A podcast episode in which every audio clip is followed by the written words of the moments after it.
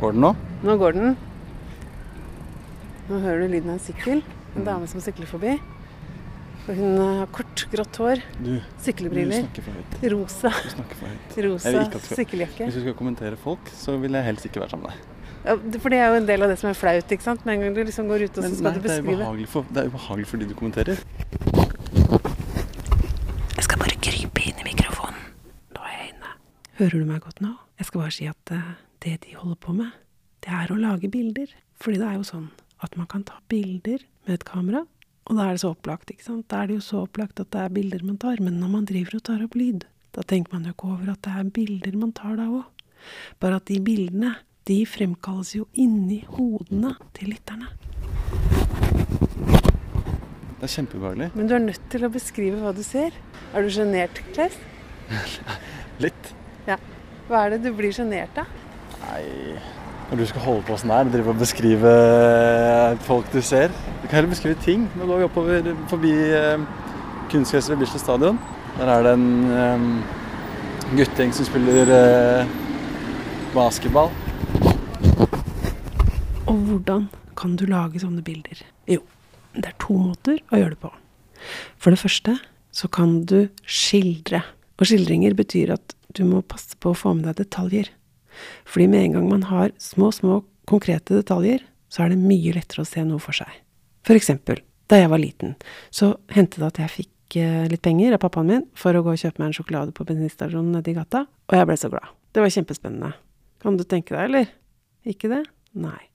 Og hvorfor ikke? Jo, fordi det ikke fins en eneste liten detalj i den fortellingen. Men hvis jeg derimot sier da jeg var liten, så hendte det at jeg fikk en femkrone av pappa for å gå og kjøpe meg noe sjokolade på kiosken.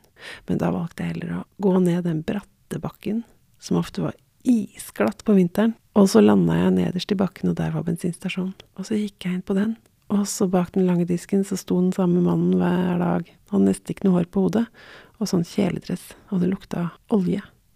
Og så spurte jeg om jeg kunne få fem hobby, for de kosta en krone stykket. Og så gikk jeg hjem med fem små hobby, med sølvpapir utenpå. Og før jeg hadde kommet hjem igjen, så hadde jeg spist opp alle sammen. Nå så du det litt bedre for deg, ikke sant? Og det handler om at jeg sier hobby, at jeg sier en glatt bakke, at jeg sier bensinstasjon. Jeg kunne sikkert fylt på med enda flere detaljer, men bare det å ha med noen konkrete detaljer, det gjør at vi kan forestille oss det som skjer, i mye større grad. Så jeg vil at når du er ute og skal gjøre opptak, når du skal lage en nyhetssak, så skal du få med deg noen detaljer. Enten så må du si dem inn i spilleren når du gjør opptak, eller så må du notere på en blokk, sånn at du husker det når du skal komme tilbake til studio og blokke. Oi, nå kom jeg på noe. Har jeg forklart deg hva blokking betyr? Blokking er det samme som å lese inn i studio. Sitte i studio med en mikrofon foran seg og lese inn teksten, eller si den teksten som du vil at skal komme fra deg som lager programmet eller lager saken. Og det du sitter igjen med, er en blokk. Hører du måkene? De drakk til Syden. De er ikke trekkfugler. Tror du de også får restriksjoner pga. korona? At de ikke får lov å reise? Ja, det tror jeg. Ja, du tror det? Ja. Det er alltid pressekonferanse for fuglene fem på morgenen når vi skal prøve å sove. Ok, her er jeg igjen. Jeg sitter inne i mikrofonen. Og så skal jeg bare fortelle deg om den andre måten. For jeg sa jo at det var to måter å lage bilder på radio på. Og den andre måten, det er sånne scener. Og når jeg sier scener, da mener jeg at det er noe som skjer. Det er noen som gjør noe. Og de trenger ikke liksom å gjøre noe veldig alvorlig og veldig viktig, liksom. De kan det òg. Men en scene kan godt bare være noen som setter på kaffen. Eller at du går opp en trapp, og at noen møter deg øverst i trappa. Eller at du tar heisen ned i første og sier ha det til noen. Ofte så kan det bare være sånne transportetapper, som at du tar trikken et sted, eller bussen et sted, eller at du ja, løper ned en gang, eller at du går inn i en butikk, eller en ringeklokke som ringes på. Noen som sier hei, og du som sier hei. Og da får man følelsen av, som lytter, at man får lov til å være med. Men de viktigste scenene er jo ofte de man har av andre som gjør noe. For eksempel så kan det være at noen har en dialog. At noen står og skravler over kaffemaskina, eller at ja, Noen sitter og kanskje skal øve til en konsert, og så sitter de og snakker om den låta de nettopp har spilt inn, eller den låta de har øvd på. Eller noen som eh, er i ferd med å skifte et dekk på en bil. Eller noen som eh, går inn i et rom hvor noen vasker gulvet, og det er glatt. Og de snakker med den som vasker gulvet. Sånn, da har vi begynt å nærme oss eh, selve liksom gravene. Nå må vi også dempes litt, for det er for å vise respekt. Ja. Fortell om Terje Vigen. Terje Vigen var en god mann. Mm. Han øh, var hungersnødd i Norge. Ja. Så Terje Vigen øh, dro fra familien sin i en robåt og rodde over til Danmark for å hente mat. Og så på vei tilbake så ble han stoppet av, et, øh, av en dansk Var det ikke en fransk offiser? Det kan ha vært det også. Ja, jeg tror det var fransk Jeg husker ikke. For det, jeg husker bare at han var en kul fyr. Jeg husker ikke Ikke han franske, men jeg husker ikke Han døde vel? Han ble satt i fengsel Ja. av den franske generalen. Og så da han kom tilbake, så hadde jo de dødd av sult. ikke sant? Ja. Men hva skjer videre? Fordi Terje Vigen lever jo lenge. Gjør han det, ja? Ja ja, han blir en gammel gråsprengt Ja, det stemmer det. Hva er det han gjør igjen, da? Han er ute på sjøen og fisker. Og så kommer han eh, franske. Ja, den franske offiseren Ja, kommer. ja, ja. Og hva skjer med den franske offiseren? Jeg husker ikke. Han er i ferd med å forlise. Ja, men så hjelper Terje Wigen. Sammen med hele familien hans. Og så møter han Terje Wigen, og Terje Wigen står der og kan hjelpe han. Eller la han dø. Ja, og da Hva- velger, velger selvfølgelig Terje Wigen å hjelpe han, fordi det er det som er moralen i historien. At du skal ikke bære nag. Nå skal vi gå til graven til han som skrev den. Ja, for jeg husker jo ikke det. Nei. Han ligger begravet her. Vil du beskrive hva du ser? eh? Er det den? Ja, det er, det er denne. Hvordan ser den ut? Gravplassen hans er veldig sånn alene. Det er et høyt eh, spir som stikker opp fra graven hans med en uh, hammer på. Ja. Og så er det tre marmorplater, Plater. ja. Så jeg vil jo kanskje mistenke at det ikke bare er han som er begravet her, men at han altså er begravet ved siden av familie og kjære. Det blir spennende å se. Vet du hva han heter, han som ligger Jeg har glemt, Det er ikke Henrik Ibsen som eh, Skal vi gå bort og se, da? Er det, er det han som har skrevet Ter- Terje Vigen? Jeg husker jo ikke Ja, det. vi ser hvem som ligger her, da. Jeg husker ikke. Så nå går vi på gresset, og så kommer vi til noen skiferstein. Ja da, Så går vi helt opp. Og da, hva sa du, Klaus? Jeg sa Henrik Ibsen, jeg. Så her ligger altså Henrik Ibsen gravlagt, og der ligger det altså en krans som vil vare, vare for alltid. Ja. For det er en statue av en krans som ligger oppå graven hans, og den tror jeg er bolta fast.